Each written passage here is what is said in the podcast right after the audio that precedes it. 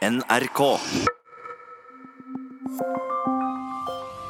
Politisk kaos, voldelige demonstrasjoner og nyheter vi ikke lenger kan stole på.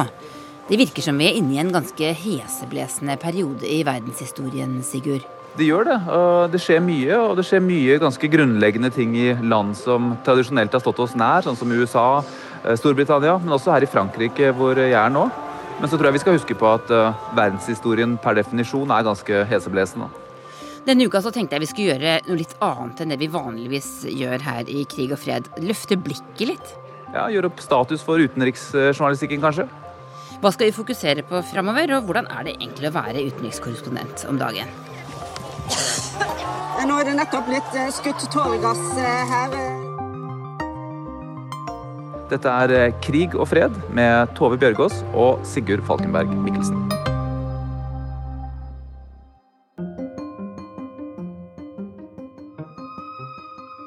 Sigurd, du er altså utenriksredaktør her i NRK. Tidligere så var du med og laget eh, Krig og fred. Det husker sikkert mange. Men akkurat nå så er du i Paris for å snakke om Ja. utenriksjournalistikk. Ja, eh, jeg er på en årlig konferanse for europeiske kringkastere. Hvilke saker eller utviklingstrekk i verden mener de du snakker med der vi skal være mest opptatt av for tida? Nei, altså de, de tingene som har vært diskutert på scenen her, er jo litt uh, om journalistikkens kår. Da har det dreid seg mye om kunstig intelligens. Om eh, hvilke trusler som eh, ligger der, knyttet opp mot fake news, hvordan man kan forfalske virkeligheten. Kan jo bare tenke seg hvis man får lett tilgjengelig teknologi som gjør at hvilken som helst politiker kan si hva som helst, og at man ikke lenger har noe som helst kontroll på hva som er sant og ikke sant. Det har vært snakket om her, og så har det vært snakk om hvordan eh, møter journalistikken eh, populismen eh, i eh, demokratiet. It's another witch hunt. Here we go again. There should be a way of stopping it. Thank you. Det er jo litt forunderlig at den mest rasjonelle politikeren på verdensplanet akkurat nå, det er den som sitter i Kreml. Det er president Vladimir Putin. Han eh, har jo tidligere gått for å være litt sånn rabagast. Altså jeg mener Han eh, annekterte Krimhalvøya i 2014. Ble tidligere sett på som å være litt uforutsigbar. Nå har han blitt den, eh, den ansvarlige. Jeg heter Jan Espen Kruse, og jeg er NRKs korrespondent i Moskva. Jan Espen, du er en tur hjemom Norge, du. Ja, det er det. Men hvis vi ser nå fra Moskva, da. Verden nå sett gjennom Vladimir Putins øyne. Hva ser han? Vladimir Putin ser fra sitt kontor i Kreml. Han ser eh, først og fremst eh, vestover. Han ser mot Nato. Han ser en eh, eh, militærorganisasjon som krabber stadig nærmere Russlands grenser. Og eh, han eh, ser naturligvis nede på Sentral-Europa. Eh, han ser også i stor grad nordover. Nordvestover. Han ser jo på eh, Norges deltakelse i Nato. Han ser at eh, vi driver og øver eh, hele tiden tettere og tettere med svære militærøvelser eh, opp mot Kolahalvøya, der Russland har sine aller viktigste og største militære baser, bl.a. med atomubåtene. Så i hans øyne er Nato blitt mer aggressiv. Har han en eh, plan i, forhold til de to viktigste eh, utfordrerne sine, kan man kanskje si Kina og USA? Ja, det har Putin i høyeste grad. Eh, Planen hans går ut på at han skal være god venn med Kina. Eh, Blant annet på grunn av altså både storpolitikk, men også ressursene. Russland selger jo massevis av gass eh, til Kina. Bygger rørledninger, sånn at Russland ser østover. Eh, og, og naturligvis, altså han ser også vestover til USA, til eh, den som sitter i Det hvite hus. Eh, Han ønsker å ha et, et brukbart forhold til eh, president eh, Donald Trump også. Sånn at han, han spiller jo på to hester her. Selv om altså han det, det går jo mye bedre i forhold til Kina. Hva tror du Putin tenker om Ønsker han egentlig at Trump skal bli sittende, eller vil han ha en ny president i USA? Jeg tror nok at uh, Putin er godt fornøyd med det som skjer i USA akkurat nå. altså, Ser du det fra Putins ståsted, så, så må det jo være strålende at eh, amerikanerne lager så mye krøll for seg sjøl, så masse problemer.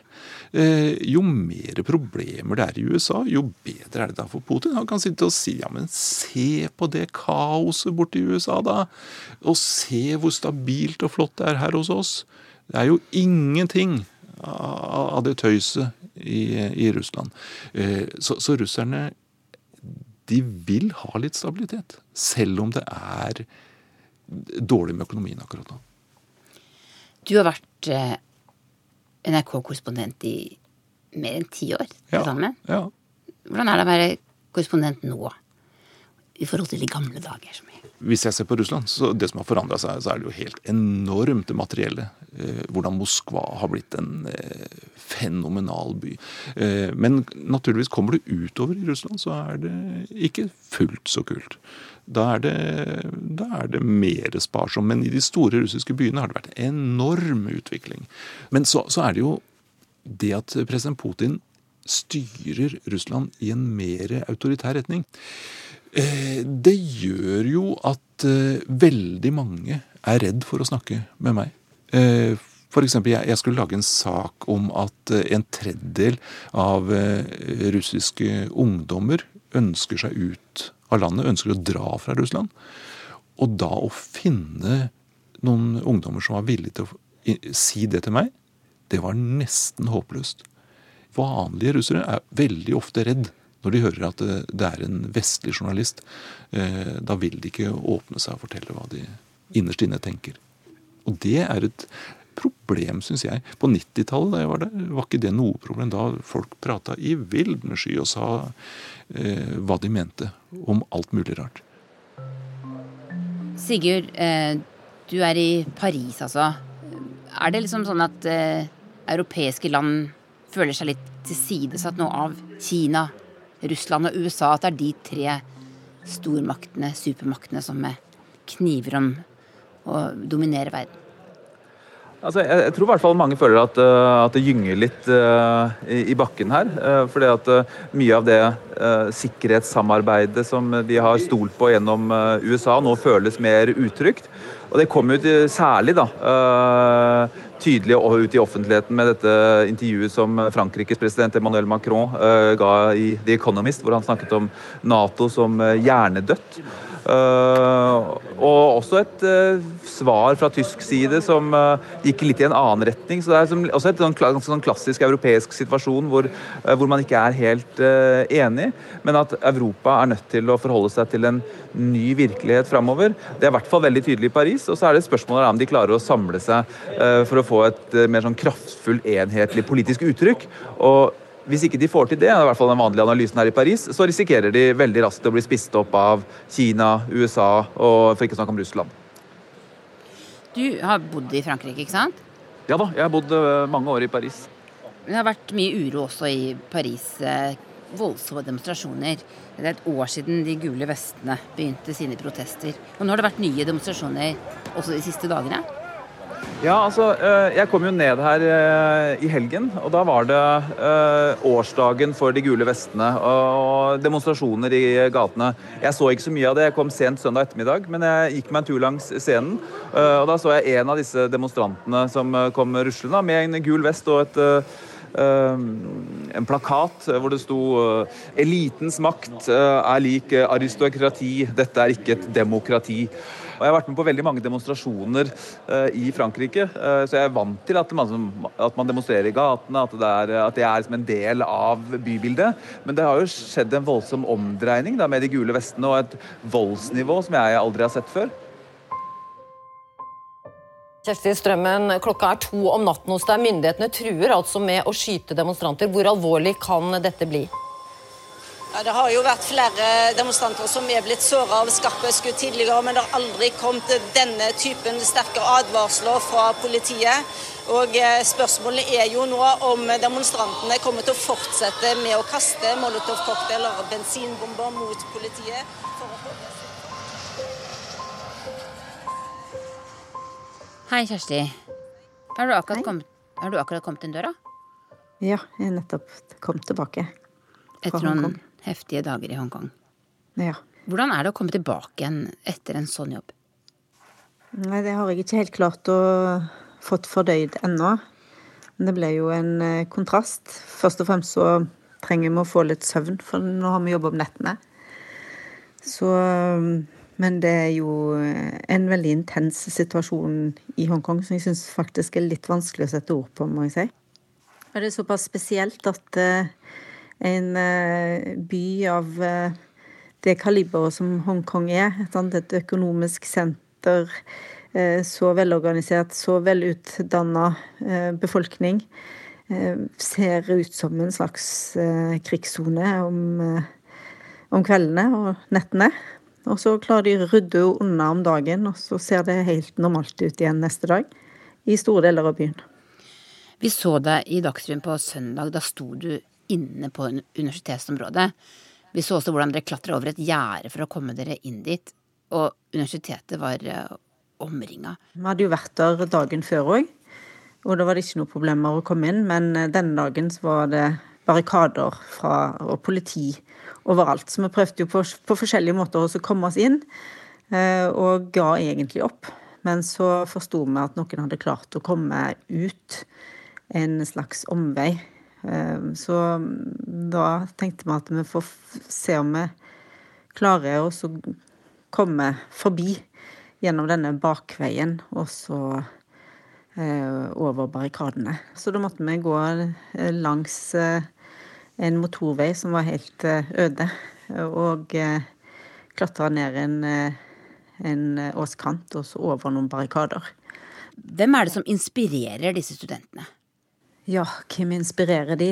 De eh, virker jo som om de inspirerer hverandre. Og eh, tanken eh, som for de er helt uutholdelig, om at eh, Hongkong skal bli en vanlig kinesisk by, er motivasjonen til å fortsette disse demonstrasjonene og, og eh, relativt voldelige protestene. Men eh, det virker jo òg som at det skaper en slags tilhørighet, et slags samhold, som òg er en drivkraft.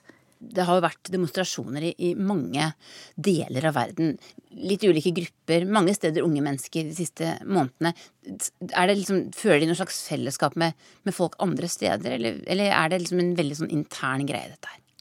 Ja, De som jeg har snakka med, forteller ikke noe om, eh, om, det. At de føler noen eh, noen, eh, noe fellesskap med andre demonstranter rundt omkring i verden. Dette er en veldig viktig sak, politisk sak for. Eh, de er redde for at Hongkong skal bli et Tibet, en, et Xinjiang, der befolkningen ikke får snakke fritt. Nå er du tilbake i Beijing. Hvor stort problem har dette nå blitt for myndighetene i Beijing? Ja, Det er jo blitt et veldig stort dilemma, egentlig. Fordi hvis de engasjerer seg veldig sterkt i dette, og mange frykter jo at eh, Kina skal gå inn med folkeherren. Eh, hvis de gjør det, så tar det seg veldig dårlig ut i verden. Men for Kina så er det jo aller, aller viktigst å beholde stabilitet i Kina. Jeg tror at det kinesiske myndigheter prøver på nå, er å finne ulike måter på å få disse demonstrantene til å slite seg ut. Hvordan opplever du å være korrespondent i Kina? akkurat nå? I Kina, på, altså på fastlandskina er det jo krevende fordi det er såpass eh, strengt at eh, det er vanskelig å få folk i tale om eh, holdt på å si, de enkleste ting når mikrofonen kommer fram. Det har aldri vært enkelt, det har det ikke. Men under det lederskapet som er nå, så er ytringsfriheten blitt enda mer innstramma enn det har vært tidligere.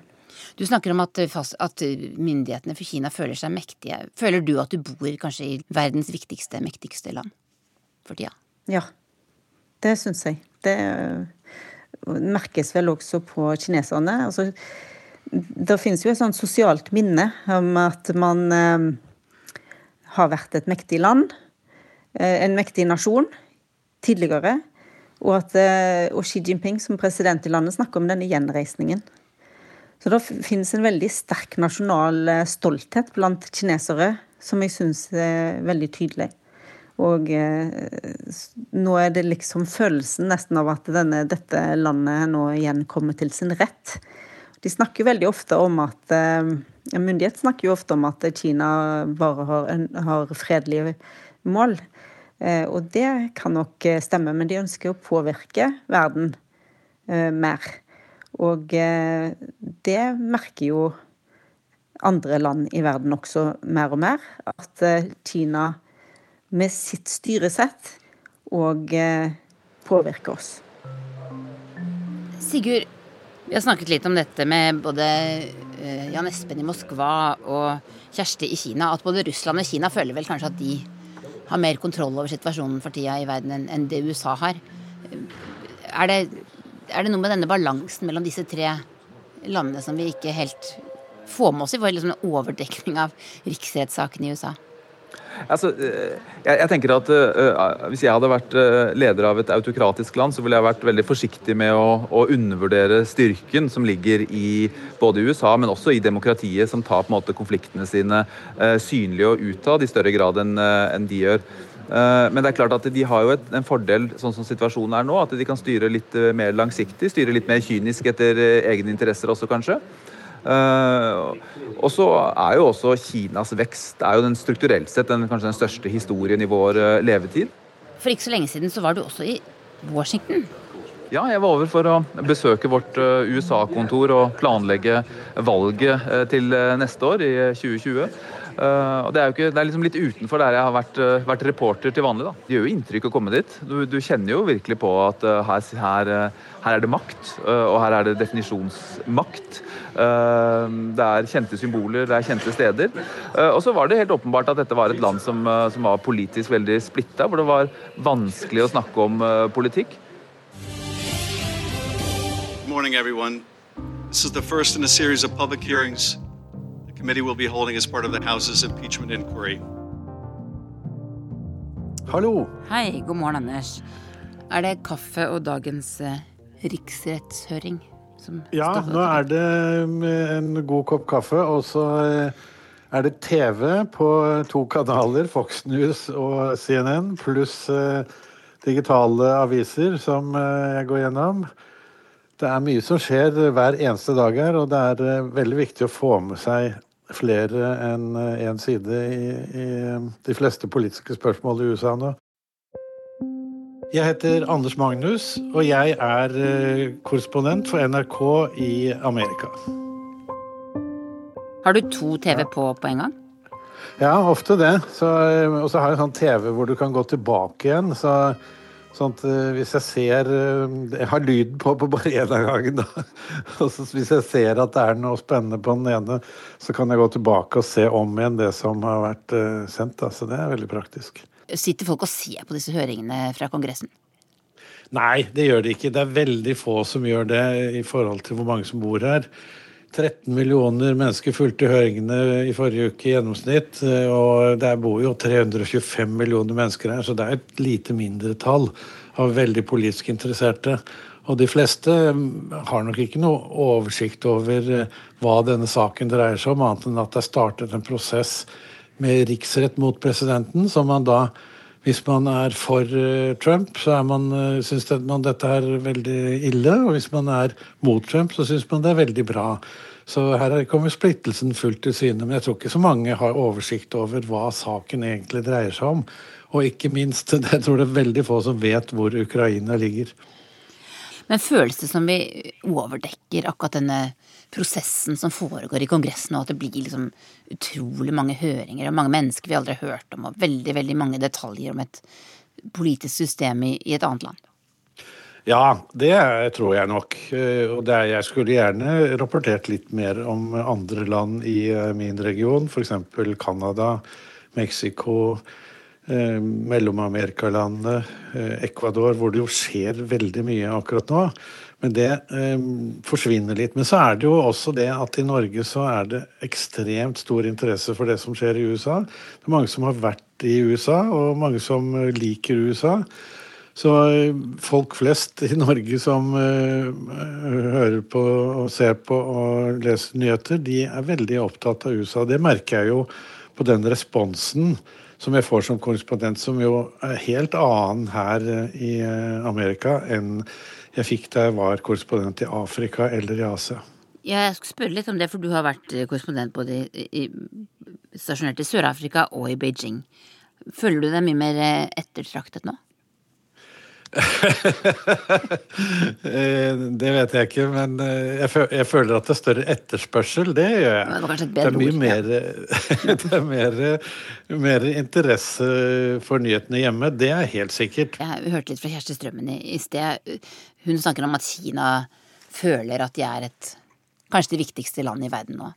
Føler du at denne balansen mellom USA og Kina er, er veldig annerledes enn den var når du var i Beijing selv? Ja, den, den, er ikke veldig annerledes, for den var jo i ferd med å endres da også. Men uh, jeg tror nok at kineserne har tatt et steg videre, og det er jo en uh, veldig interessant uh, og kanskje også ganske skremmende utvikling. Og vi ser jo det hvordan mange andre land blir redde for kineserne for, for, for, i frykt for at de ikke skal få Eh, handelsavtale, f.eks. Norge er jo et godt eksempel på det. Hvor man innordner seg eh, kinesernes krav. Og eh, på den måten så vil det et skifte fra USA til Kina bli ganske krevende for mange demokratier, tror jeg.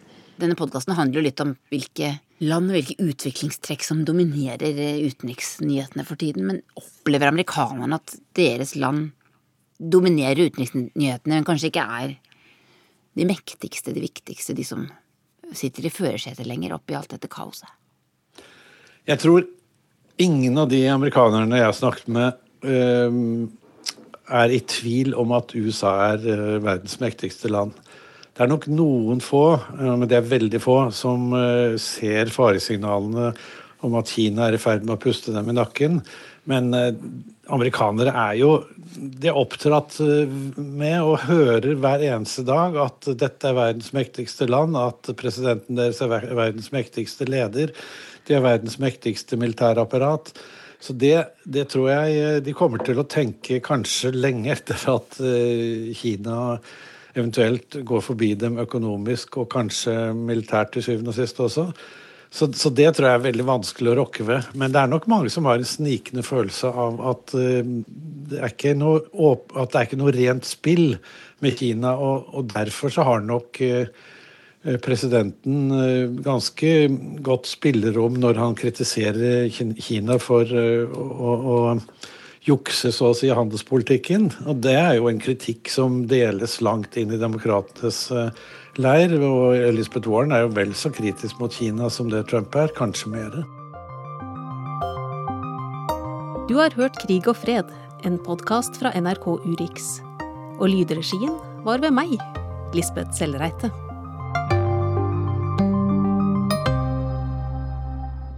Nå Sigurd, så dukker det opp enda et tilbud fra, fra utenriksredaksjonen i NRK. Ja, jeg tenkte vi skulle begynne å sende ut en eh, sånn ukentlig nyhetsbrev. Hvor vi oppsummerer ukas viktigste saker. Eh, kanskje minner folk på noe de ikke har fått med seg. Eh, for det er jo vanskelig å følge med informasjonsstrømmen. Så jeg tenkte at hvis vi klarer å samle det til ett uttrykk, så er det i hvert fall for de som er interessert i utenriks, så tenkte jeg at det kunne være et, et bra tilbud. Så der får man liksom de viktigste, det man trenger å vite hver uke? Ja, det man trenger å vite fra verden, uh, og hva som gjøres av uh, utenriksjournalistikk uh, i NRK og i, i, Norge og resten av verden. Rett inn på i, sin egen postboks på nett. Enklere kan det ikke bli. Enklere kan det ikke bli. Men man må logge seg inn på nrk.no for, for, å få lov til å gjøre det. Det er det, det eneste kravet. Så man må gå inn og melde seg på? Man må inn og melde seg på. Rett og slett.